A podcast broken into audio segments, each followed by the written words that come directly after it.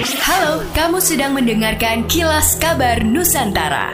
Podcast persembahan KG Radio Network menyajikan berita harian yang mengangkat keunikan dari berbagai wilayah Indonesia. Kilas Kabar Nusantara dapat juga didukung oleh pengiklan loh. Sobat Medio, kamu penggemar kisah di balik layar investigasi program Aiman Kompas TV? Penasaran dengan kehidupan Aiman Wicaksono di luar televisi? Simak podcast Aiman Wicaksono, eksklusif dan belum pernah disampaikan olehnya di program Aiman Kompas TV.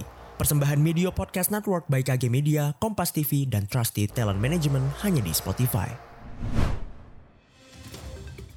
Dinas Ketenagakerjaan di Sulawesi Utara merespon keluhan dari serikat buruh dan organisasi pekerja lain terkait dengan kenaikan harga bahan bakar minyak yang diikuti lonjakan harga sejumlah komoditas lainnya. Erni Tumundo, Kepala Dinas Ketenagakerjaan dan Imigrasi Sulawesi Utara menyebut pemerintah telah menyiapkan berbagai program yang dimaksudkan untuk meredam dampak dari kenaikan harga bahan bakar minyak. Di antaranya adalah program bantuan subsidi upah, kemudian bantuan keluarga harapan, program bantuan untuk usaha mikro hingga bantuan yang ditujukan kepada sopir kendaraan umum dan juga nelayan. Erni mengatakan saat ini kondisi pekerja di Sulut memang masih mengalami sejumlah kendala. Terlepas dari perihal kenaikan harga BBM, saat ini dikatakan oleh Tumundo sejumlah masalah lain juga masih menjadi tugas yang harus diselesaikan, seperti misalnya masih banyaknya pekerja yang statusnya pekerja paruh waktu, serta masih terdapat sekitar 139 ribu pekerja yang masih mengalami dampak akibat pandemi COVID-19.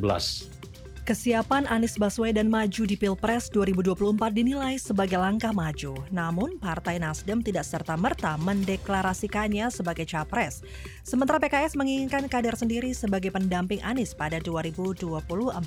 Sebelumnya dalam sebuah wawancara dengan Reuters, Anies Baswedan menyatakan siap maju sebagai calon presiden jika ada partai politik yang mencalonkan. Dinas Sosial Makassar melakukan monitoring penyaluran bantuan langsung tunai BLT BBM melalui PT Pos Indonesia. Hal itu untuk meminimalisir terjadinya penyaluran salah sasaran. Kepala Bidang Pengendalian Bantuan dan Jaminan Kesejahteraan Sosial Dinas Sosial Makassar, Andi Rahmat Mapatoba menyebut jumlah keluarga penerima manfaat KPM BLT BBM di wilayahnya sebanyak 40.248.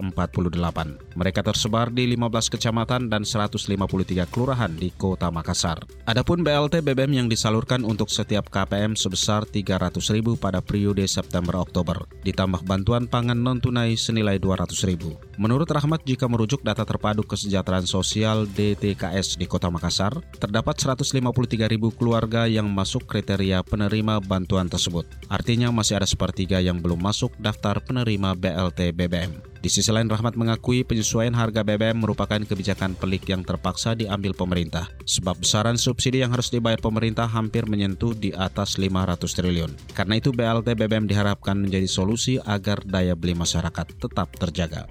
Demikianlah kilas kabar Nusantara pagi ini.